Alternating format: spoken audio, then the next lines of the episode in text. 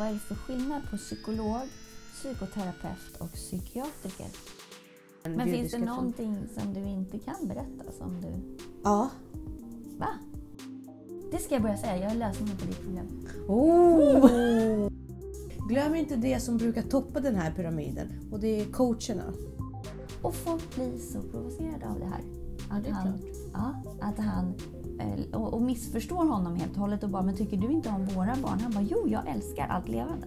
Sen tycker jag inte att man kanske behöver producera nytt liv när det redan finns massor av liv som behöver hjälp. Hur Ja. är det möjligt att något som är så över, övermäktigt Han tillåter det här att ske. skapar någonting Ja. som är så värdelöst?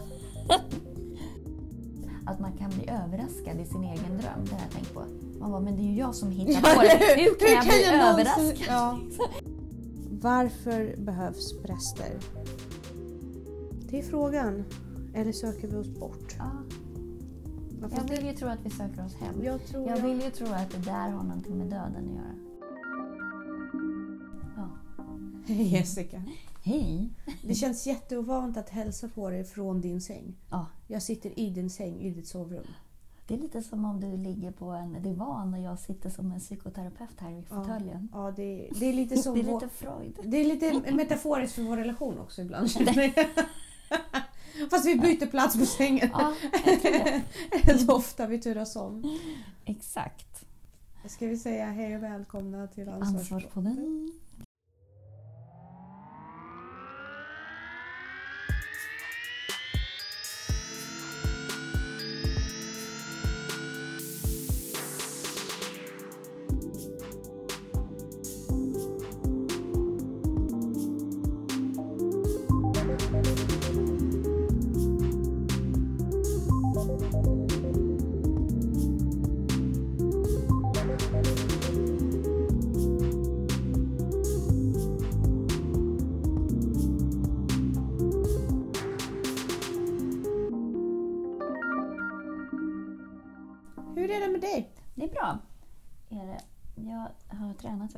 Idag så att jag är väldigt trött.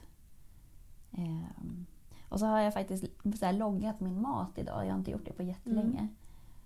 Det, är jätte, det är svårt att få i sig tillräckligt med protein Mm.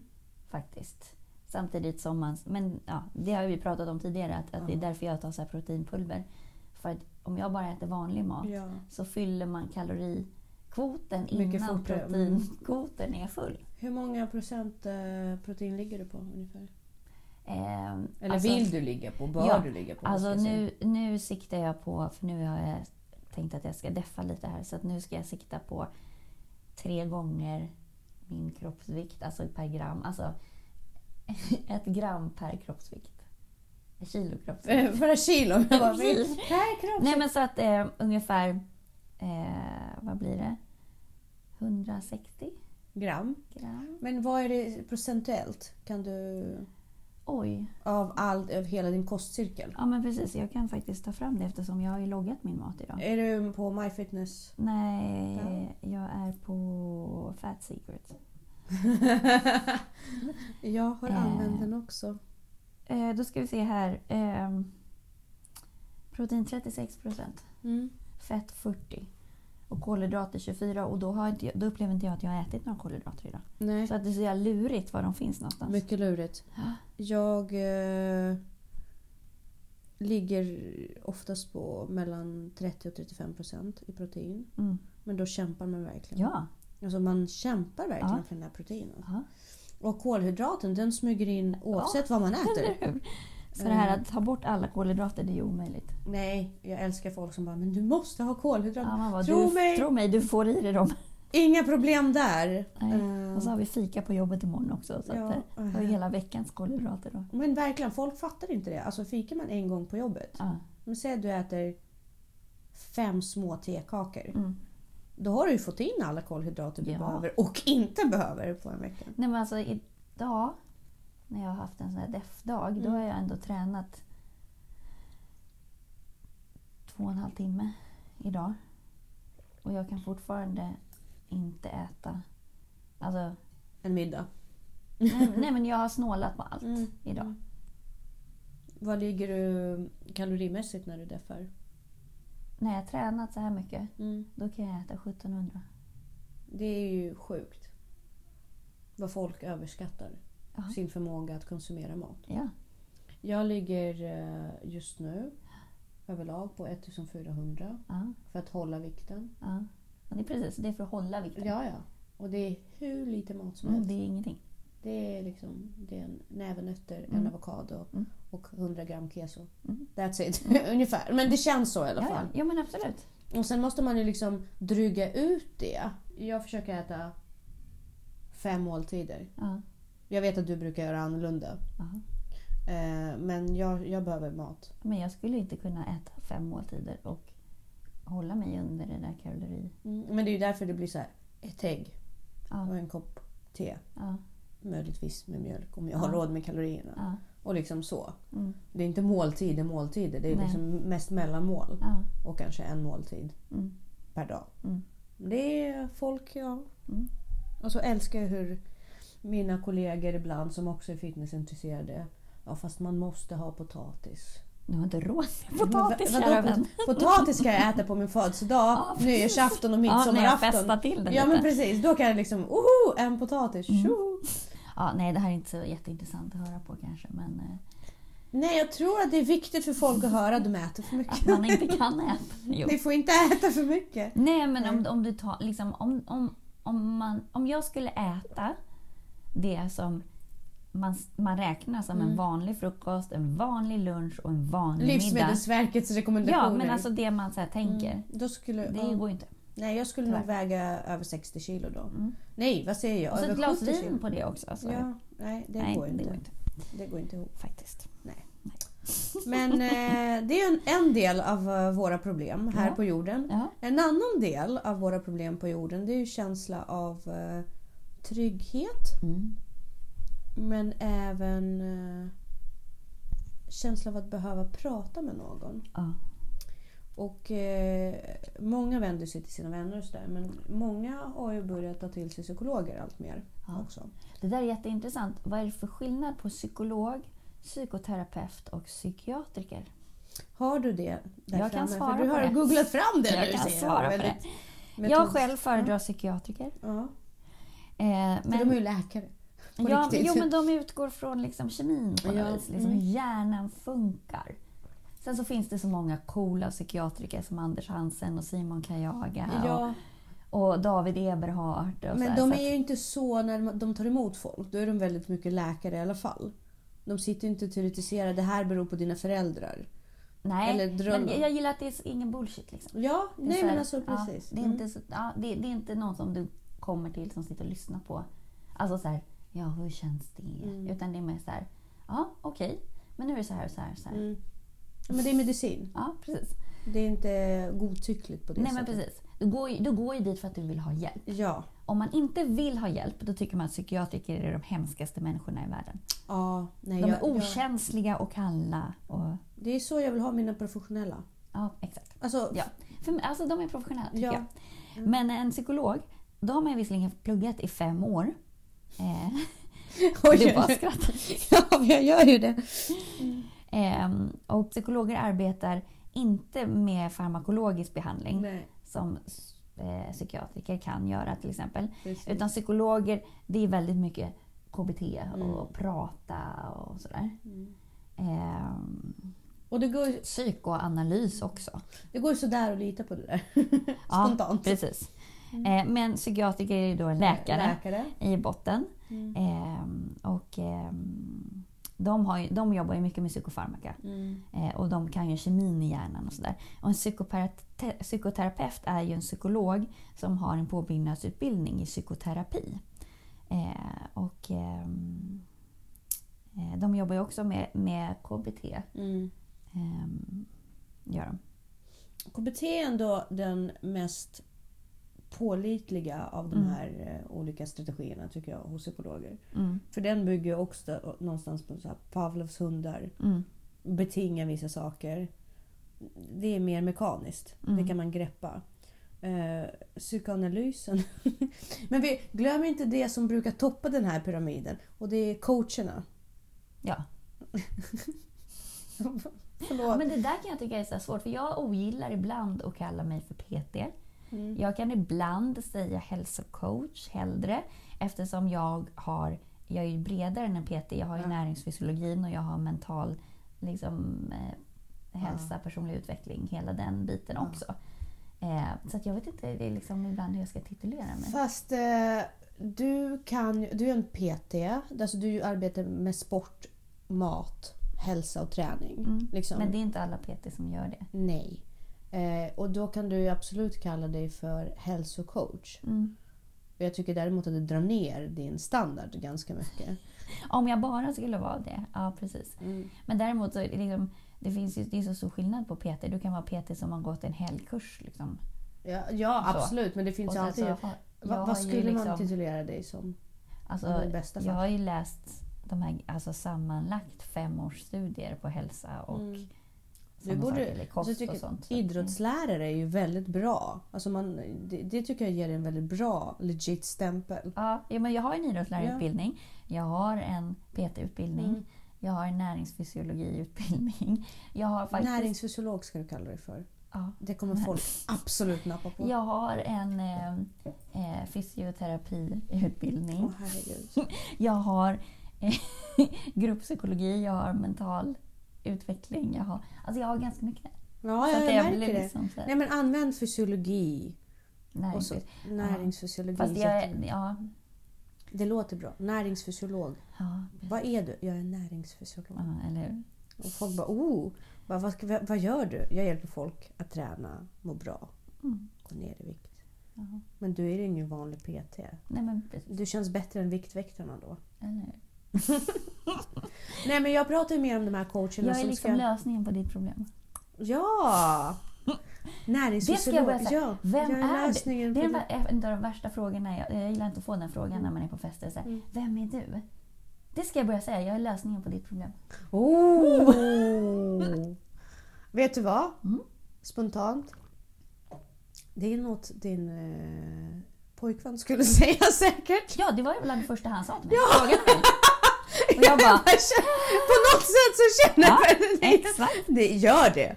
För Ja. guds skull använder man det. det, hur, det Ja, absolut. Och vi har haft långa absolut. diskussioner om hur man inte kan ställa den frågan. För att det går inte att svara på den. Nej, men det, Och, han, och då så, så kan man ju säga, ah, nej men jag jobbar som det här och så här. Om Det säger inte vem du är. nej. Du svarar inte på frågan, vem är du? Du svarar på frågan, vad jobbar du som? Ja. Och i ditt fall är ju du faktiskt förmodligen lösningen på de flesta problemen som folk har. För du har så mycket information. Men det, på, du kan ju allt Det är bra för mitt ego att hänga från, med dig. Från termostat. Nej men jag är väldigt, för, genuint jag är så väldigt fascinerad av det. För du, är så här, du pratar väldigt lite om dig själv. Och det finns ingen bullshit. Du såhär, ja ah, men det här kan jag. Bara, men hur har någonsin inte dykt upp i våra konversationer? Jag hade så stoltserat med det det första. Och vet du vad jag lärde mig för fem minuter sedan? Vilket jag ofta gör också. Medan du så sitter på berg av kunskap och bara, oh by the way. Jag är också en eh, fysioterapeut. Eh, Jag kan sota också. Jag har sotarlicens. Ja, du, du har licens till och med för det. Åh, hjärtat. Du är så underskattad av din omgivning. Det är helt sjukt. Du är ju lösningen på de flesta problemen. Ja, Vad kan du inte? Ja. Nu lägger vi det här... eh, Eh, lite egotrippen. ja. Jessicas egotripp. Fast jag tycker det är kul. Det är härligt att boosta folk. När det är också befogat. Men eh, coacher, Ja. då pratar vi mest om sådana samtalscoacher. Mm. Det är det jag har är- lite problem ja. för. För det är lite godtyckligt. För då kan man lika gärna vara psykolog. Då kan man ju lika gärna är ju inte vara någon. Ja, men Alltså- en psykolog är en samtalscoach. Varför är man inte psykolog då? Därför att psykolog har fem års utbildning. De har ju precis. en licens. Där de faktiskt kan på något sätt eh, meritera det de säger. Mm. En livscoach eller en samtalscoach. Mm. Det är ju bara någon som är duktig på att prata. Egentligen. Ja, och det finns ju jätte, lite. men det, det finns jätteduktiga sådana människor. Absolut. Eh, och professionella och allting. Men du har ju aldrig garanti på att de inte bullshittar. I grunden. Nej.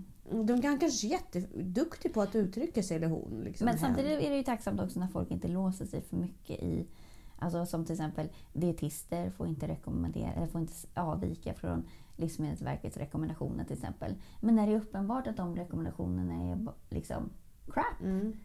att man inte då har en större stolthet att liksom på något sätt... Mm. Ja. Problemet är ju det här. Du kan alltid gå in och köpa Nike-skor Mm. och betala 1 4 eller 1 6 eller vad de nu kostar. Mm. Och få garanterat att det är Nike-skor med garanti och Mm. lalala. Och är du inte en fitnessexpert Mm. så vet inte du vad du vill ha. Nej. Du vill ha den garantin från märket. Mm. Människor som är, mår dåligt, de är oftast inte insatta. Nej. Och kommer någon som är väldigt övertygande, Mm. kostar mindre, mer appellerande. Då är det lite som att gå till en marknad och köpa någonting som märket står på. Mm. Alltså Nike-märket. Men du Är har ingen garanti Nej. på det äkta. Nike Men det kan vara då. Eller inte. Ja, Större precis. risk att det inte är. Pratar du om coacherna nu? Jag pratar om coacherna. Och Fördomarna haglar. nej, nej, absolut inte. Däremot så tror jag att om du verkligen har problem. Mm. Om du Jo men känner... precis, för det är det jag känner sådär. Eh, eh, ibland har man ju varit hos psykologer, eller ibland har jag varit hos psykologer som bara sitter så här. Ja, och hur känns det? Mm. Vad tänkte du då? Man kommer ingen vart. För Nej. jag känner så här, men vet du, jag vet vad jag tänker. Jag kommer Mm. ju uppenbarligen inte längre med mina tankar.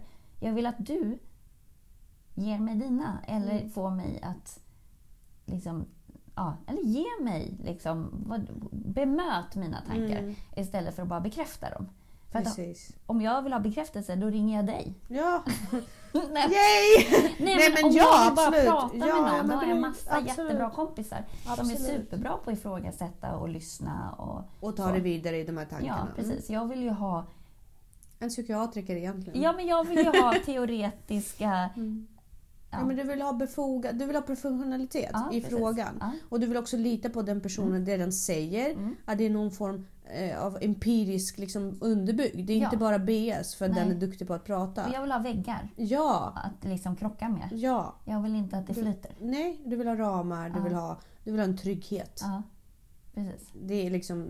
För att annars så går- maler jag ju bara på. Så går jag i spinn lite grann. Mm. ja, men att jag här, säger samma sak om och om igen. För det finns inga väggar som plockar upp mig. Och där, där kan jag känna så här, skillnaden då med en coach, det är att om du hamnar i en någon form av situation som du inte riktigt kan lösa själv, men du är inte bekväm med att gå med den till dina vänner. Nej. Men det är inte så att ditt liv fallerar heller. nej. Då kan du gå och mala på om det med en coach. Liksom. Ja, Men jag, jag upplever nog att coacher är kaxigare än psykologer.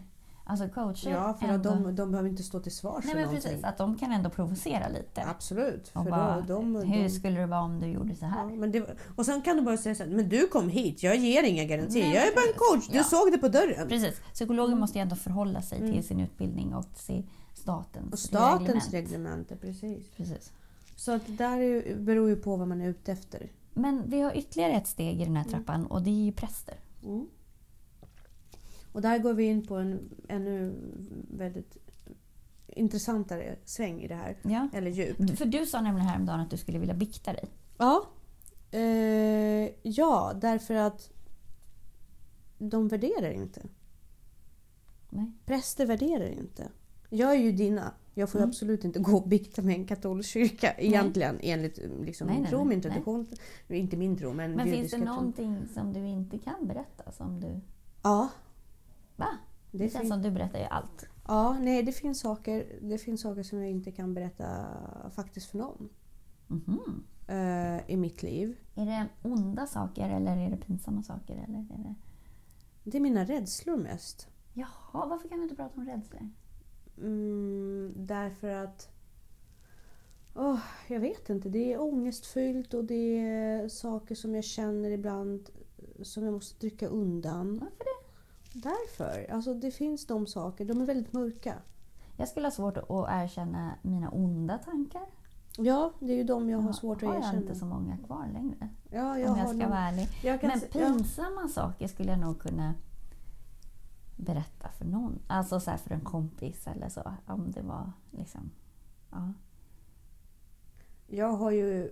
Jag har ju berättat pinsamma saker för dig. Ja. Nej, Eller jag, har, jag har mörka begär. Ja. Ja, Som men har jag... vi inte alla det? Jo, det tror jag absolut. Men jag har ju aldrig pratat med någon, med någon om Jag blir dem. jättenyfiken nu. Mm. Eh, nej, men det, är, det, det är mycket simplare än vad du tror. det är inga konstigheter. Nej, men, Men det är... rädslor, det är inte så läskigt eller att prata om eller? Eh, nej, men det är nog, det, det är nog eh, snarare skamfyllda begär. Ja. Jag tror att det är det det handlar om. Okej. Tror jag. Mm. Men sen så tror jag också att eh, eh, jag kan ju prata om det så. Det är bara att jag är rädd, Mm. verkligen rädd, Mm. att det skulle bryta ner min... Jag vet inte om du minns, men vi, jag pratade eh, en gång om att människor, de, jag, jag tycker att bryta en människas formel. Mm. Ju lättare det är att bryta en Mm. formel och Mm. liksom mönster, desto mindre tyvärr är den... Ja. Ja, men det, det, mindre intressant en människa Det är är för därför mig. man inte lägger ut hela sig själv på en bricka efter tio minuter till en person. Målet är ju att man efter ett år eller så fortfarande ska hitta saker i mig. Eller i liksom, som man inte visste om eller som var nytt eller så. Exakt. Det känner jag är lite mitt, så här, det är lite så, jag portionerar ut. Alltså du vet aldrig riktigt. Eller du Ja, känner, alltså så här, det finns alltid nya saker. Ja, och man fyller på det. Ja. Och sen så liksom... Sen kan man liksom... Ja. Och jag är rädd att det där är nyckeln till att knäcka mig. De Okej. sakerna. Mhm. Jag tror att det är nyckeln till att poletten ramlar ner för folk och bara Ah, Aha! Okej. Det är väl därför. Ja. Det är min hemlighet. det Ja. är min mystik. Eh, kan jag kalla det för. Då. Mm. Och, eh, men det är ju också väldigt tråkigt att jag aldrig berättar om det för någon. Nej, men om det, här, det blir svårt att, uppfylla de här begären då? Eller få... Ja, men jag tror inte det är meningen. Nej. nu blir Jessica ännu mer så här. Men återigen, mycket simplare saker än du tror. Ja, nej, jag är inte så... Eh, så, men då hade det varit intressant att gå till eh, och faktiskt möta någon. Mm. Och bara, Fast det gör du inte, du sitter och pratar med en vägg. Nej, fast jag gör ju det ändå på något sätt. Ja. Alltså jag, bara att yttra det högt. För någon annan. Bara formulera det. För jag vågar inte ens skriva ner det. Nej, jag tänkte precis säga det, Nej. Men, men skriv en Nej. bok. Nej, nej, nej. Det går inte. För det kan förknippas med mig. Det får ju absolut inte förknippas med mig. Mm. Det, och, och texten kan hitta... Alltså du, Ja, nej, det ja, går inte. Absolut. Ja, jag fattar. Så det, det får inte existera. Nej, det här är ju superspännande. Ja. Så att, eh, där hade jag äh, gått till någon som har... eh, Den skiten skulle dumpa på någon som har tystnadsplikt inför någon högre makt än staten. schysst va? Ja, och jag har ju tyvärr också varit med om att psykologer har brutit tystnadsplikt bakom Mm. rygg. Eh, och spilt information. Till dina föräldrar eller? Nej, till helt utomstående människor. Och jag har fått veta det på helt alltså, spontana vägar. Och inte bara så här, jag har en patient som utlämnas. Nej, nej. Alltså, Nej men alltså är det här en psykolog som du är kompis med eller som nej, nej, gemensamma nej, nej, nej, nej, nej, nej. Det här är en psykolog som... Det här är en psykolog som har behandlat en person som har varit i kontakt med mig. Varit på en annan kund, eller patient Mm. till den psykologen. Har sagt att men jag har varit i kontakt med andra. Eller den här psykologen har varit i kontakt med Mm. Ja. andra. Ja. som du också har påverkat. Och det har psykologen berättat för den här personen. Alltså den, den personen har ju totalt Ja. brutit tystnadsplikten och sagt Nej men eh, du vet den här personen skulle inte jag lita på. För jag har haft andra som har sagt samma sak om henne. En psykolog. Ja. Så att eh, det där med hur vattentäta psykologer Ja, är. nej, det är kanske inte alla som klarar Nej. av att vara psykolog. Precis. Och det här skulle ju lätt kunna plocka bort licensen om jag... Ja, ja, absolut. Gud, ja, verkligen. Men nu vill inte jag göra det. Men präster då är ju duktiga på att lyssna. Mm. Eh, och de kan ju komma med vad som helst och de har tystnadsplikt. Ja, Eller de kan få vad som helst i sitt knä. ja. Så att egentligen, Och de har inte ens en anmälningsplikt. nej. Och de är gratis. Ja. Varför utnyttjar inte vi präster mer? Exakt. Det är för att vi inte tror på Gud.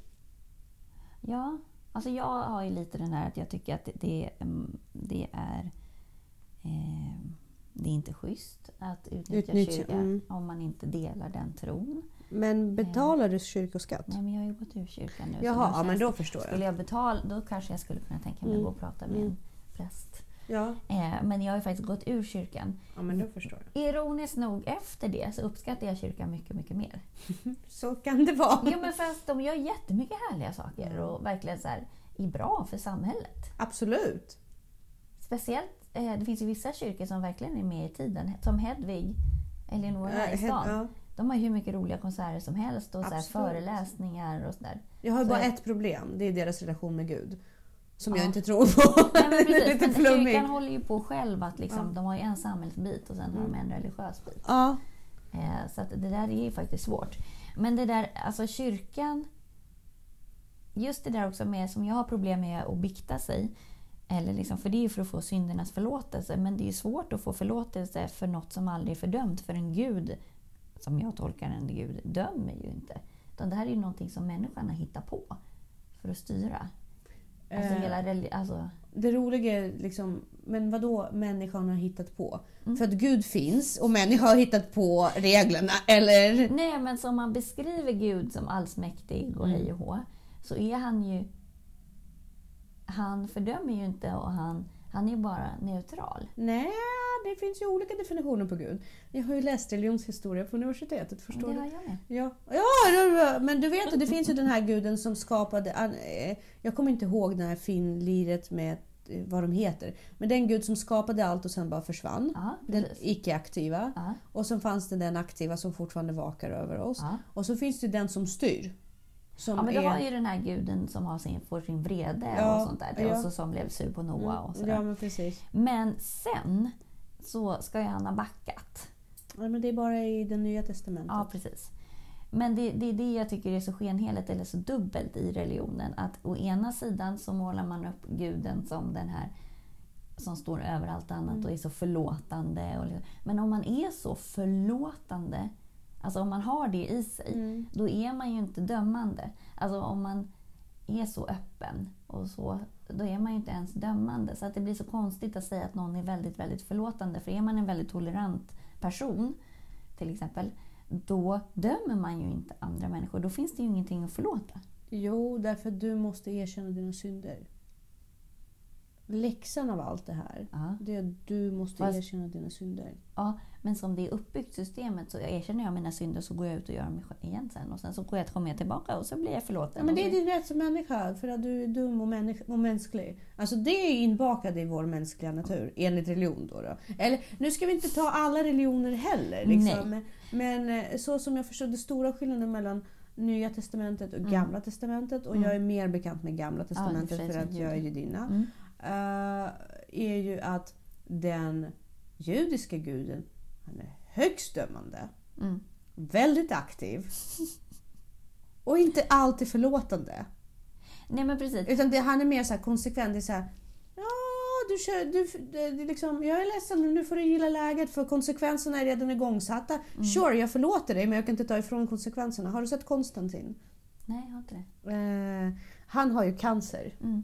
eh, huvudkaraktären. Men Mm. han är samtidigt väldigt aktiv i att eh, rädda människor från demoner Mm. och eh, järiga. Och vid något tillfälle han så här, jag gör så mycket för samhället. Mm. Kan du bara inte ta bort den här cancer ifrån mig? Mm. Och då säger ju Guds ambassadör så här, men du har rökt. Mm.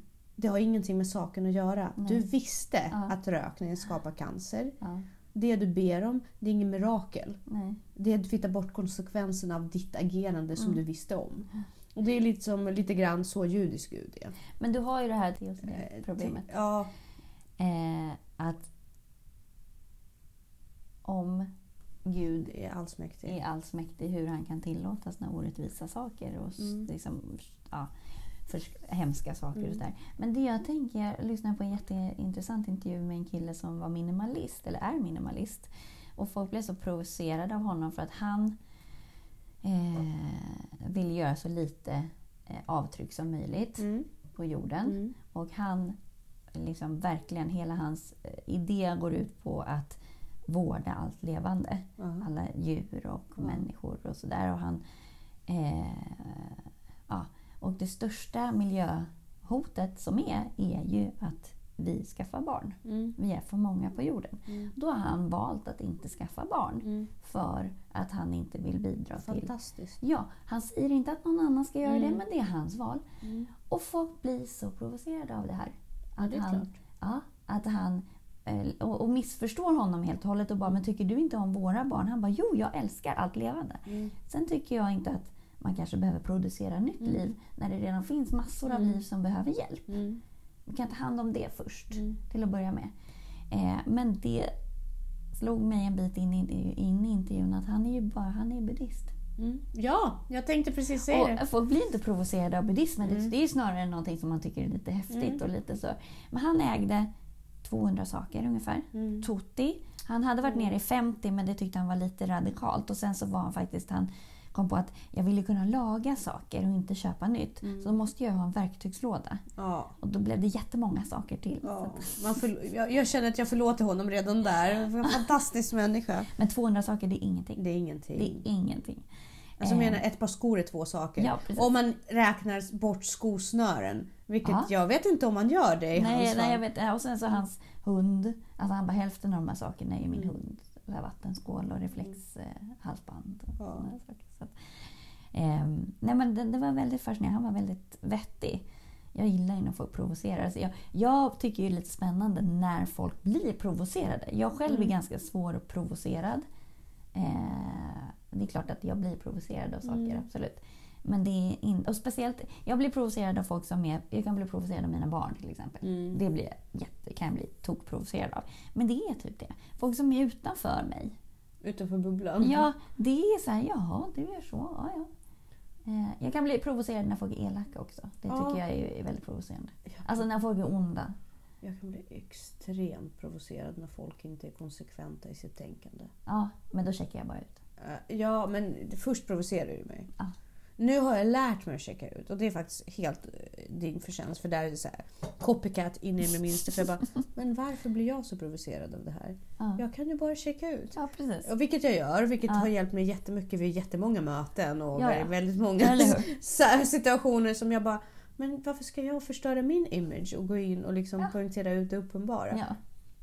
Ja, jag kör min, min race liksom. Mm. I alla fall. Men, men, eh, mm, men han är i alla fall konsekvent. Mm. Det är folk som hatar på honom. Mm.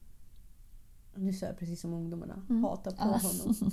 Eh, det är ju de som de, de ser ju det här provocerande för de fattar vilka skitstövlar de är. Mot Jo, men naturen. Även, jo men även så här, ja men jag har valt att skaffa barn, ja. Men jag står för det då. Jag vet att det är ett miljö...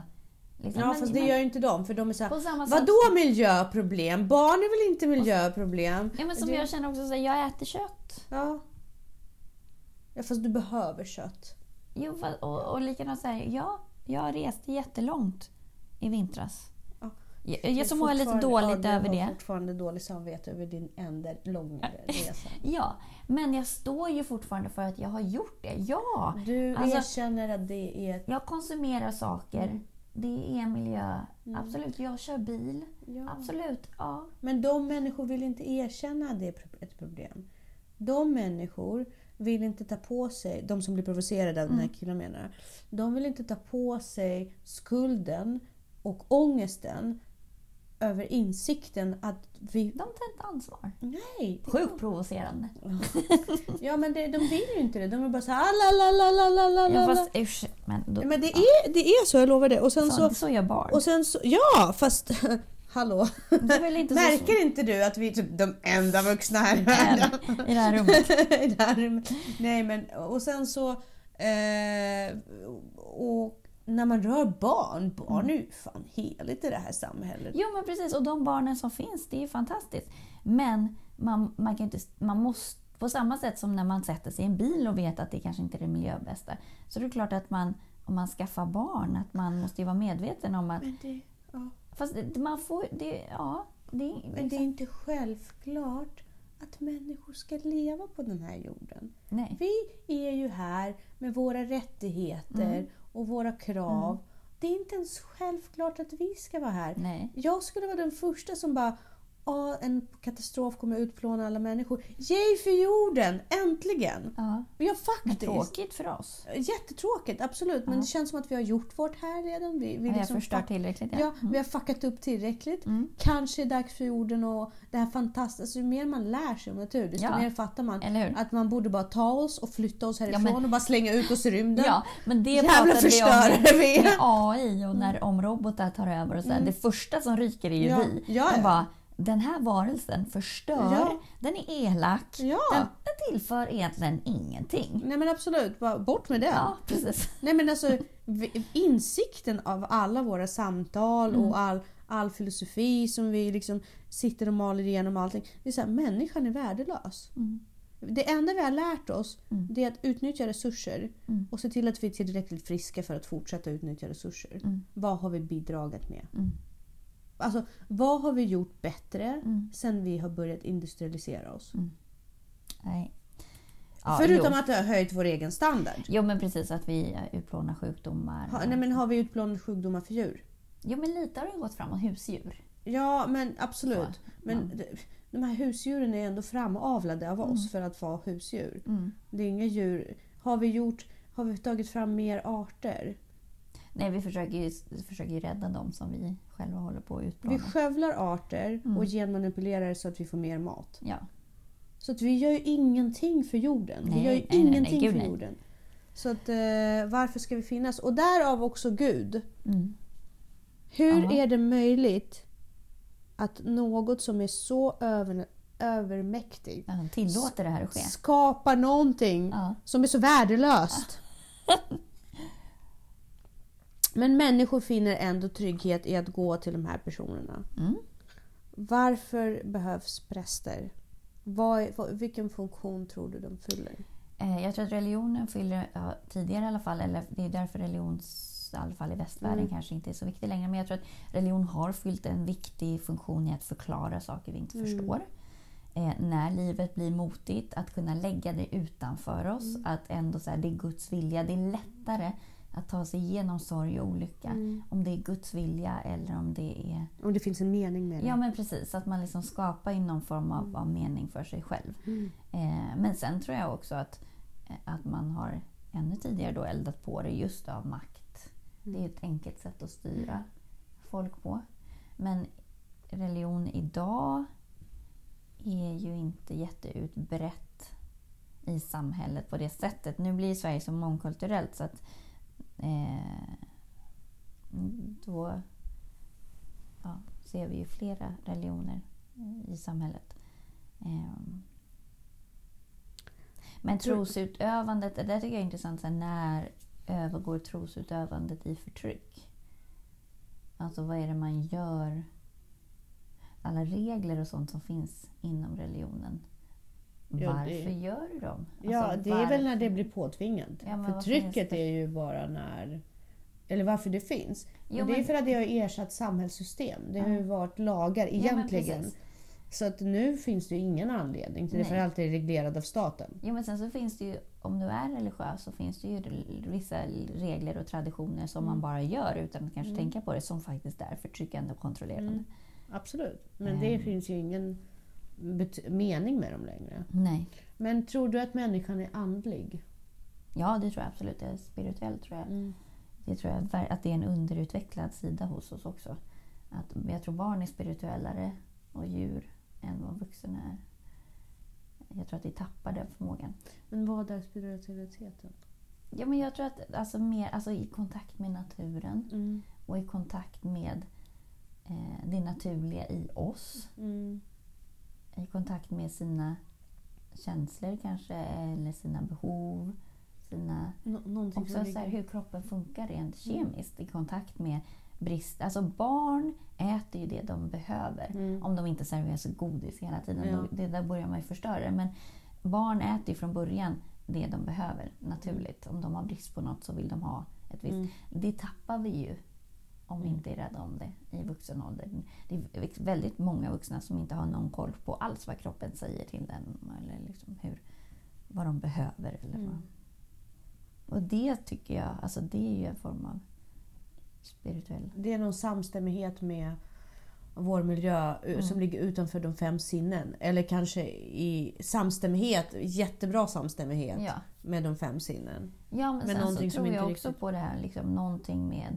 Det finns ju någonting i oss liksom, eh, som ett sjätte sinne eller en, en själ på något Mm. vis som inte går att förklara. Mm. Alltså när de här sinnena, som du säger, när de är i samstämmighet så kanske de övergår i ett sjätte Mm. eh, sinne. För det, ett sjätte sinne bygger ju också på erfarenhet och liksom någon form av att man känner Mm. och går på intuition. Eh, och själen tillverkas ju, alltså tanken och känslan och så. Eh, alltså det vi upplever och förnimmer och känner rent fysiskt, dofter, synintryck. Allt det mixas ju i själen, Precis. tänker jag. Mm. Det är intressant. En annan aspekt av religion som jag också tyckte intressant, särskilt när jag har läst om stammar och naturreligion. Det är ju att man alltid haft en shaman Mm. av någon slag. Mm. Och det har alltid varit någon galen person egentligen. Nej, men, Så, få droga helt ja, legitimt. ja men precis, som får droger legitimt. Ja. Och det är också en intressant... Nu svävar jag i och för sig ut eh, men jag, jag tycker ändå det är viktigt att eh, ta upp det. Mm. Att man alltid har förs- ändå vänt sig till galenskap. Ja, eller kontakt med... För har man själv haft... Alltså drömmar Mm. är ju en portal Mm. Till något. till någon form av visualisering eller någon form av fantasi. Mm. Det där tycker jag är så roligt, att man kan bli överraskad i sin egen dröm. Det har jag tänkt på. Man bara, men det är ju jag som hittar på det. Hur kan jag bli överraskad? ja. Eller rädd. Ja. Det, jag hittade ju precis på det här som skulle hända. Hur kunde jag inte veta det? det, liksom? det är som att se en film som man själv har filmat Ja. och bara Åh herregud, nu öppnar han dörren! Ja, fast det är det ju så- så i drömmar. ja. Hur kan man liksom, det är också rätt coolt att man kan alltså hitta på saker som jag inte vet att jag hittar på. Mm. Det är coolt.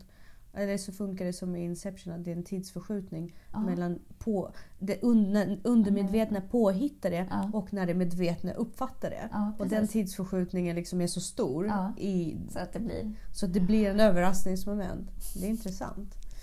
Men även att eh, man har även haft någon form av eh, ritualer som Mm. har varit helt bandbrytande. Mm. Alltid. Mm. Vi har ju våra, för tonåringar har vi Hultsfred liksom, och ravepartys. Och, ah, lite så. Ja. och, men i, i, det har ju funnits, i alla religioner har det funnits några så här konstiga orger. Och, ja.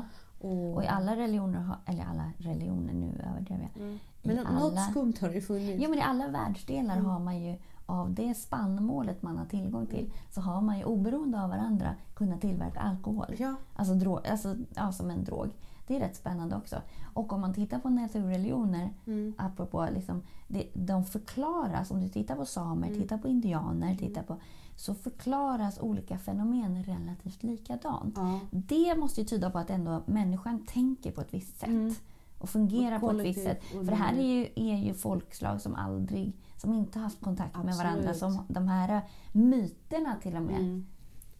Som de Som li, liknar varandra. varandra. Ja. Och hur ormen finns i Mm. världsdelar där ormar inte finns. Ja. Och hur liksom, trädet alltid står i centrum Mm. för saker och ting. Det, det, det tycker jag är väldigt Mm. intressant. Och det tyder snarare på någon form av andlighet. Mm. Och vår naturliga liksom, vilja att äh, återkoppla till den äh, Mm. andligheten än kanske Bibeln. Mm. och så. Därför att det är som du säger, vi har alltid bryggt någon form av äh, drog. Mm. Så vi behöver någon form av trans. Mm. Precis. Det, och det, det, det är intressant. Den, den biten är också intressant. Att vi alltid vill för, liksom, få de här sinnena Ja, att arbeta precis. antingen tillsammans på Ja. något sätt. Att det finns, vi letar efter en trigger Ja, för att komma till en annan nästa nivå. nivå. Och är det att vi någonstans söker oss hem? Det är frågan. Eller söker vi oss bort? Ja, jag vill ju tro att vi söker oss hem. jag tror Jag jag... vill ju tro att det där har någonting med döden att göra. Mm. Eller urvaggan. Ja. Det här tillståndet. ja, men jag tänker att när kopplingarna i hjärnan kortsluter. mm. Då händer någonting Ja. helt nytt. Precis. Tror du på liv efter döden? Ja. Ja. Skulle du... Eller är liv Nej, men, nej, men jag exist- tror- någon form av jag existens. Fortsättning. Energin Ja. på någon... Jag vill tro att energin på något sätt... Någonting händer. Ja, kanske inte i, liksom, i den, en form. Jag tror att någon energi uppgår i någon annan. Alltså jag tycker att det är väldigt spännande det här med att det här med sju gram. Mm. Det, det, det tycker jag med. Jag tycker också det är väldigt spännande. Eh, Att kroppen lättar ja, att det är efter döden. Ja, blir sju gram lättare. Vad Mm. är de här sju grammen?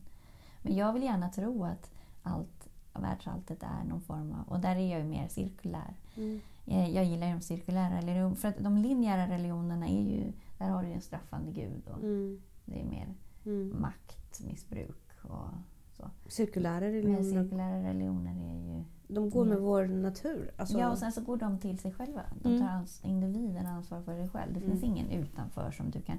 Sen så har de ju liksom en, en kult eller det finns gudar men det är ju mer som maskotar. Mm. Så det, de, alltså de påverkar inte i ditt vardagsliv så på det sättet. Ehm, så att där vill jag nog se att det finns någon Brahma liksom, i Mm. någon världsenergi, världssjäl på något vis. Sen brukar jag vila i... Jag vilar i det, men jag tror ju inte egentligen på det. Men jag brukar vila i det, att, att man kommer få träffa... Jag tänker så här att eh, mitt fantastiska hus som jag växte upp i, det brann ju ner. Mm. Och jag tänker att det har gått över till andra sidan. Så att jag Mm. kommer få vara där sen med min farmor och min hund och min... Liksom, alltså allting, Allting, samlas ja. där till slut. Eh, så att jag kommer få komma tillbaka till mitt... Komma hem. Liksom. Ja. Men det fattar jag ju. Det är bara en, tanke. Alltså, det är bara en fantasi. Fast det kanske är en tanke som du kommer skapa och kortsluta så att du faktiskt får, Mm. alltså så att ditt sinne kanske får vila där. Ja, men jag tror också på att... ehm, jag har upplevt väldigt starkt ett par gånger att min farmor hälsar på mig i drömmen. Alltså jag har pratat med Mm. henne i drömmen. Och likadant min, min eh, senaste hund.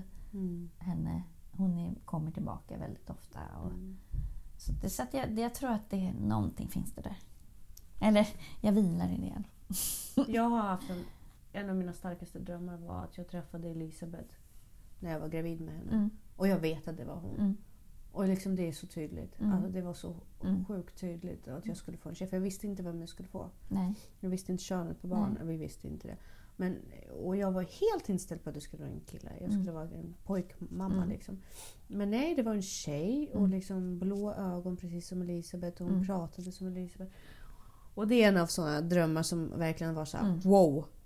Som jag Ja. kommer ihåg. Men där har jag också haft en återkommande dröm om min framtid, alltså sen jag var liten. Mm. Om den personen som jag i slutändan skulle leva med. Och den personen har aldrig haft något ansikte.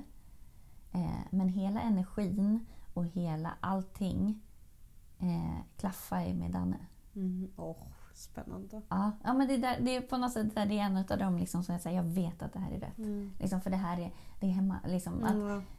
det, är, det är den här personen utan ansikte. Alltså det där uttrycket det är hemma, det känner jag igen väldigt. Alltså jag kan verkligen relatera till vad du menar. Ja. Det är liksom pusselbiten föll. ja. Ja, vackert. Eh, och det är därför också jag aldrig, jag har inte gift mig tidigare för jag har inte hittat den här personen Mm. som jag har haft med mig. Mm. Men i och med att den aldrig har haft något ansikte så har jag ju Mm. inte kunnat liksom... Eh, Har du berättat det här för honom eller kommer det här vara första gången han hör det här? jag vet inte hur mycket han lyssnar på de här poddarna längre. Han är så upptagen nu för tiden. Nej, jag tror inte jag har berättat det. Alltså jag visste ju att det är den personen jag kommer gifta mig med. Mm. Men... Eh, så att, ja. Eftersom den aldrig kom. ja, eftersom den aldrig kom så gifte jag mig aldrig. Det är spännande. Över- Jag tror också det pekar på någon form av övernaturlighet. Hur eh, vissa människor Mm. känns hemma. Mm. Det, det, det har hänt mig flera gånger i mitt Mm. liv. Alltså att vissa Ja, men man kanske har träffat dem tidigare. Eller, man, Eller men det är ju någonting med energin. ja. Med våglängden som man Ja, tänker på. ja, jag vet precis. inte. Ja. Men, och så finns det människor som inte alls känns hemma. Nej, precis. Men som blir hemma efter ett tag. Ja. Jag menar, du är en sån människa som inte kändes hemma från början. Det kan jag ju påstå på en gång. Men jag, jag, vi, alltså jag var ju ganska... Jag är ju väldigt neutral. Eller liksom, alltså... Nej, precis. Man, man når inte dig. Nej. Man vet inte vem du är. Du Nej. är väldigt avskalad. Du är väldigt blank när man träffar dig och du inte vill att man ska lära känna dig. Eller Ja, du är inte eller- intresserad. Liksom. Nej, men eller det är inte det, är inte det som... Alltså så här, på jobbet. mm. Jag är inte där. Alltså om du, jag är nog så att om inte du visar något intresse för mig så går jag bara förbi. Mm. Eh, tyvärr. Fast det är faktiskt intressant. Du visade intresse för mig mycket fortare än vad jag visade intresse för dig. Mhm. Du, du, du blev intresserad Jessica. Nej men eh, så och där tror jag också det är så man skapar nya kontakter. Alltså, jag tror- Ja, men för att jag tror att du och jag klickade på samma ställe. Ja. Alltså jag upptäckte dig på samma ställe som du upptäckte mig. Mm. Tror jag. Eh, Jag upptäckte ju det bara för att jag bara Shit! Hon är inte en med tapeten. Det var mest det som var det stora ja men överraskningen. var det exakt för mig också. Ja. Jag bara, men det var inte alls den. Jag bara, shit tycker hon det här? Du är ju cool ju. Ja. ja, jag hoppas att jag fortfarande är i dina ögon. Herregud. men, men precis, för att vi har, vi har ju pratat och du är liksom... Du var en tjej på Ja. jobbet. Ja. Liksom. Ja. Tjo hej. Ja. Men sen så, alltså jag menar, jag skulle aldrig sätta mig bredvid dig på en fest. Nej. Till- Nej men jag trodde inte vi hade någonting Nej, gemensamt. exakt. Ja, du ser hur det kan gå. Ja. Spännande saker. Ja. Ja, men för att återkoppla till tryggheten. Känner du dig tryggare av, av tanken på att det finns någonting efter döden? Tryggare någonstans tänker jag ändå så här, är jag död så vet jag inte ändå. Men alltså jag vill att det ska vara så. Mm. Alltså det är mer, jag har ingen aning. Nej. Alltså jag brukar bara säga, jag hoppas att det är så. Mm. Men däremot så samtidigt så känner jag så här, när man är död så är man ju död. Då vet man ju inte ändå. Då det, det, om det är svart så är det svart. Ja men precis, då vet man ju ingenting. Nej, man vet inte heller om det inte blir... Alltså, man vet ju inte om det, inte blir, om det Nej. blir svart eller Sen inte. så blir man, om man tänker på det, hur Ja. många miljarder människor som redan har dött. Mm. Var är alla då? Ska jag få plats på något ställe? Ja men då måste det vara cirkulärt. Då tänker Ja, så då här, måste de ju återfödas. ja, det är det precis. rimligaste Ja, att det är det rimligaste, cirkulärt. annars blir det överflöd. Fast å andra sidan, våran rymd är oändlig. Men Och det, energi, åh, det är så jobbigt att tänka på att ja, då universum får man existentiell Ja, ångest. Men ja. energi går ju inte att skapa, det kan ju bara åter... Ja, men vi har en hel rymd som är full av energi. Ja. Alltså det, hur Ja. mycket energi finns det inte i rymden? Och hur mycket plats finns det inte i Nej, rymden? precis. och hur mycket... Men det är lite läskigt. Tänk Ja. om man bara blir en vålnad och så bara flyter man runt i rymden. Utan någon mening whatsoever. Det är ångest. Det, ger, då, då, det är att gilla läget. Ja men snacka om det. finns ingenting! Nej, gud. Och så bara en oändlig tid av att bara driva runt Ja. i rymden. Bara, gud spännande, var hamnar jag idag då? Ja, eller Så vill inte. man stanna och titta på någonting inte. så bara nej, då åkte man vidare. Och så träffar man aldrig någon för den är så oändlig. Bara, hej. Ja. Ja, Ja, eh, men eh, vad har vi... Vi har ju inte landat i någonting. Nej. Eh, vi har... Ja, Fast vi har ju ändå Präst. landat att människor söker efter trygghet. ja, precis. Och vi har slagit ett slag för präster, Absolut. om man är religiös. Om man är religiös. Eller betala kyrkoskatt. Ja, i alla fall det måste man Ja. kunna göra. Undrar om jag ska börja göra det. Ja, Jag gillar inte det här att de, jag vill bestämma själv. Om, räknas det... Nej men räknas det, ja, räknas det om jag eh, betalar eh, så här, gåvor till kyrkan eller sådana Ja, saker? men det, det kan ju vara ett men jag sätt. gillar inte att det dras från min skatt. Nej, men alltså det förstår jag. skatt. Men jag tycker definitivt att om du ger gåvor till Lidingökyrkan och du har rätt, rätt att gå till resten där. Ja, Det tror jag. Absolut. Varför inte? Knock yourself out. Där har du hittat ett kryphål.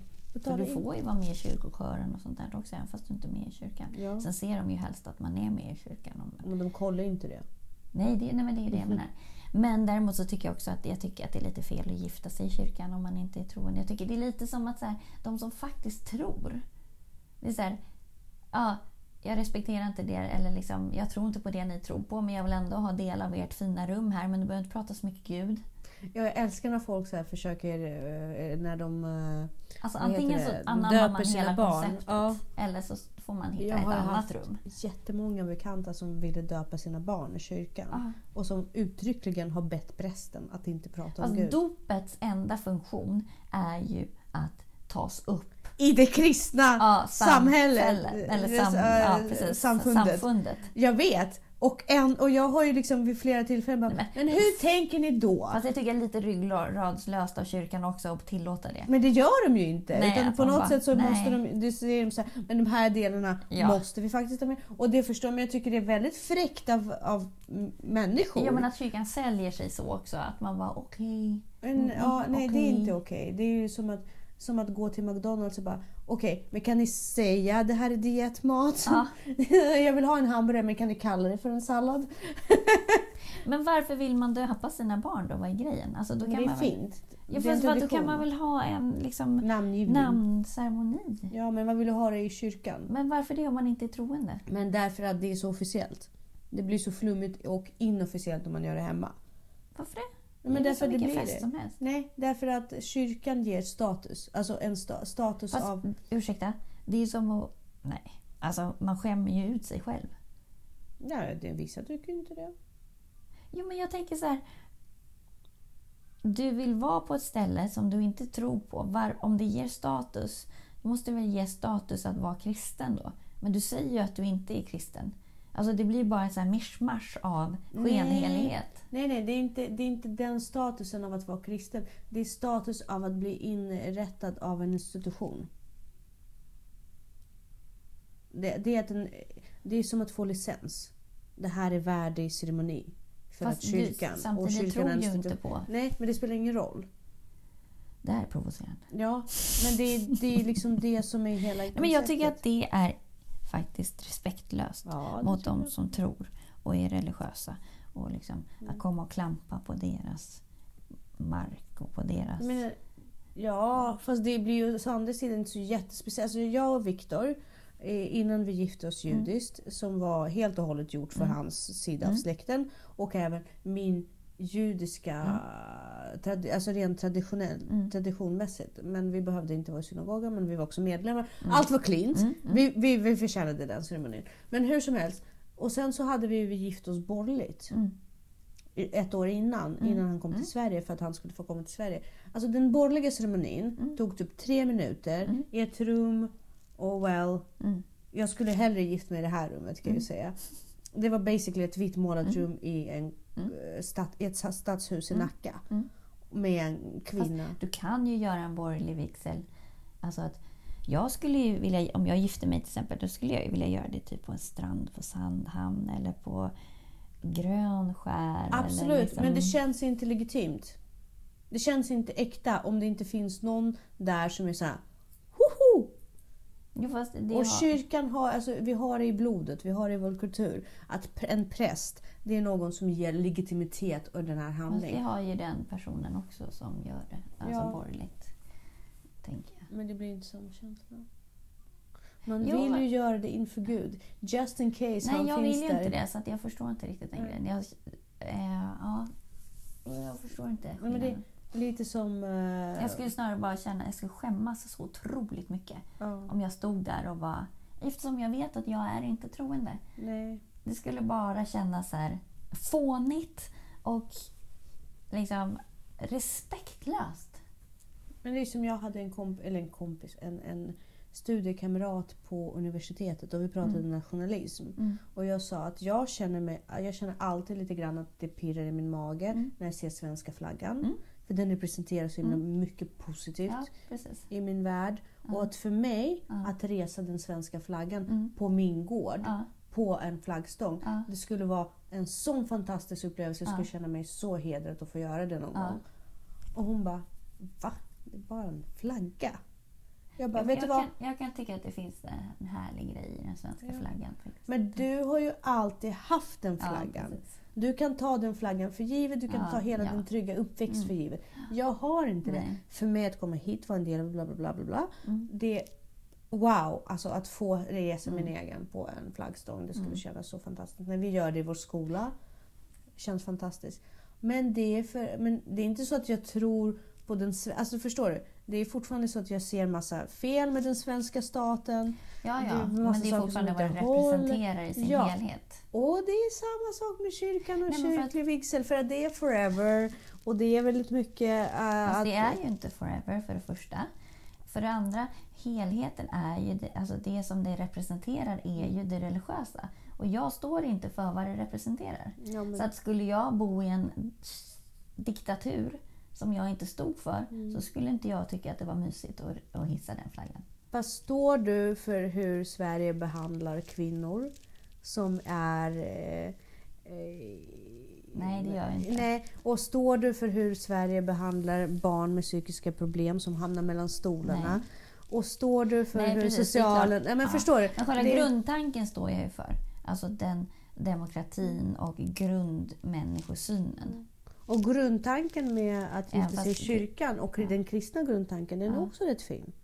Det är inget fel på det, Ja, du nej, älskar precis. jul. Nej, liksom. precis. Det är sant. Och det är också en grundtanke. Ja, Jul är ju också Jesus födelsedag Ja, någonstans. Alltså, men det, ja, precis. Och det är det jag tror att människorna vill ha, den här grundtanken av Ja, men då- om man ser det kyrkliga rummet som då kanske en mer... symbol, tradition. Tradition, liksom. ja, precis. Det, är- det, för det, för det, det, det, det är svenska flaggan. Fast, Fast det är en annan blir form. ju inte det när man börjar prata om Gud. Fast det blir ju inte heller det när man börjar prata om hur man eh, måste sitta på akuten med blödningar Mm. och vänta på sin tur och sen förlora sitt barn. Mm. För att det fanns ingen tid. Nej. Det blir ju inte heller så himla... Nej. Svenska staten blir inte så vacker då heller. Nej, precis. Och, ja. Så det, det är väl mest att vi måste finna trygghet i att vissa saker mm. är kontinuerliga. Min mormor gifte sig så, Mm. min mamma gifte sig så, jag gifte mig så. Mm. Cy- cykliskt. Mm. Trygg. Liksom, jag tror att religion bekräftar väldigt mycket tryggheten i människor. Mm. För man kan alltid landa på det. Jag får tyvärr bryta. Tyvärr och tyvärr, vi har ju överbabblat. Nej, jag menar jag får tyvärr bryta den traditionen. För jag Ja. köper inte riktigt. Jag köper... Jag tycker kyrkan är jättebra att det finns. De gör fantastiska grejer. Jag köper det du säger. Men jag kommer aldrig genuint att känna så. Nej. Så att för mig kommer det kännas skenheligt. Och det, det får du, jag har inga problem med det. Men jag har Men- full respekt för att, Men folk, så, att förstår. folk tror. Jag förstår människor. Ja, men inte om man, om man inte accepterar att kyrkan gör det på sitt sätt. Jag tycker inte man kan gå in och ha ett bröllop och sen börja säga att man inte ska prata om Gud. Och så här. Då får man faktiskt köpa hela konceptet. Att Ja. de, att de Ja. får prata om Gud och sådär. Ja. För det är ju det du går in i. Det är det rummet du går in i. Men det är också väldigt konstigt om du aldrig, till, om du aldrig tillbringar tid på kyrkan, aldrig Men ge en har chans. Gud i sitt liv, aldrig pratar bibel och helt plötsligt när du får ett barn, då vill du döpa den Mm, Ja, inför Gud. ja. Varför vill Ja, du göra det? precis. Men då, då är det så här, vi måste ha den tryggheten. Morfar blev döpt. Ja. mamma bara- Men man måste kunna ifrågasätta också varför. Ja, men det gör man ju bara om man har eh, lust. Ja. Ibland är det bara bekvämt att inte göra det. Och sen Det måste också- man svara för hela släkten till varför man inte ska döpa sitt barn i kyrkan. Något som är provocerande också är när man bara döper sitt första barn. Sen orkar man inte med de barnen som kommer efter. Gud vad roligt. Det är provocerande. Ja, tycker du det? Ja, det tycker jag. För då är man inkonsekvent. Ja, okej, Det är jag provocerande. förstår. Men då, Antingen tror man på Gud och tycker att det är viktigt att döpa sitt barn eller så gör man det inte. Eller så säger man så här, ja, vi har gjort det en gång, det var inget Ja, men för vems märkvärdigt. skull gör man det då? För sin egen. Men vad fan bryr sig en bebis om den har blivit... Ja, men det är det jag tycker också, så här, att man ska få välja själv om man vill gå in i kyrkan eller inte. Det ska inte ens föräldrar bestämma åt en. Mm, och det är för att folk oftast inte orkar ta ställning till så mycket frågor hela tiden löpande för vi har eh, vi måste träna, vi måste Ja, vi måste mat. träna vi vi måste hinner. handla och bla bla bla. Så Ja. de bara, nu döper vi så tredje Eller så minut. gör man det inte så spar man lite tid. Ja, ja, vi åker till eh, Grekland i sommar istället och så kan vi ha någon liten middag där och Ja. bara hej! Ja. Ja, så kan man Ja. Folk är roliga och vi är en del av dem. Eller hur? Mm. Mm. Men trygghet tror jag vi alla söker Ja, efter på eller mycket jag blev provocerad av henne. Jag blir inte provocerad så här. Provocerad, provocerad. Nej men det var ju inkonsekvent. Det är Ja, ologiskt. Ja, precis. Det, det är ju det som också... Min provocerar. yngsta son provocerar mig. Ja, Sjukt mycket. du sa Ja, det. topplocket gick i morse. Alltså, jag älskar det här sidan av dig. älskar den. Ja, nej, vi får jag har en strategi där. Men du, tack så jättemycket för att du kom hit. Det var supermysigt. Det här var en bra varje, vad heter det, form. Jag känner att energin i det här rummet jag kände är att, mycket mer kreativ. jaha, jag kände att det blev så här. Mm. Ja, men det blev bra. Det här rummet tror jag is that shit. Nu, ja, det här rummet kanske är bra för filosofiska diskussioner. Du ifrågasätter varför det här är ditt sovrum. Då kanske du måste rearrangea lite här inne. Vad tänkte du att det skulle vara? Eh, nej men study. Ditt arbetsrum. Ja, men jag sitter ju aldrig och jobbar på det sättet. Nej, men du kanske ska börja. Nej. Nej. Jag är precis är så nöjd att jag har fått bort det här med skrivbord och sådana Ja. grejer. För skrivbord tar Mm. bara plats och så staplar man grejer på det. Ja, det är sant. För mig är det lite som att du har en fåtölj som du sitter i i Ja. sovrummet. Det gör du säkert aldrig annars. Nej, nej. nej. Den här fåtöljen brukar är lägga sina kläder. Exakt, det är en klädfåtölj. Det. Är därför jag inte har några stolar eller fåtöljer fastän det är väldigt mysigt i mitt sovrum. Ja. Därför att där ligger där, där samlas ju bara kläder. Nej, grejen är att jag hade den här fåtöljen över och jag vill inte slänga den för jag tycker att den är väldigt fin. Den är väldigt mycket så i mitt hem just nu. Att så här, mm, Behöver jag det? Nej, men det är fint. nej, men jag vill inte slänga den. Nej, men det ska inte. Men det är klädsamlarfåtölj. Ja. Yes! Tack så mycket för idag. Tack själv! Ja, Vi hörs nästa vecka. det gör vi. Hej då.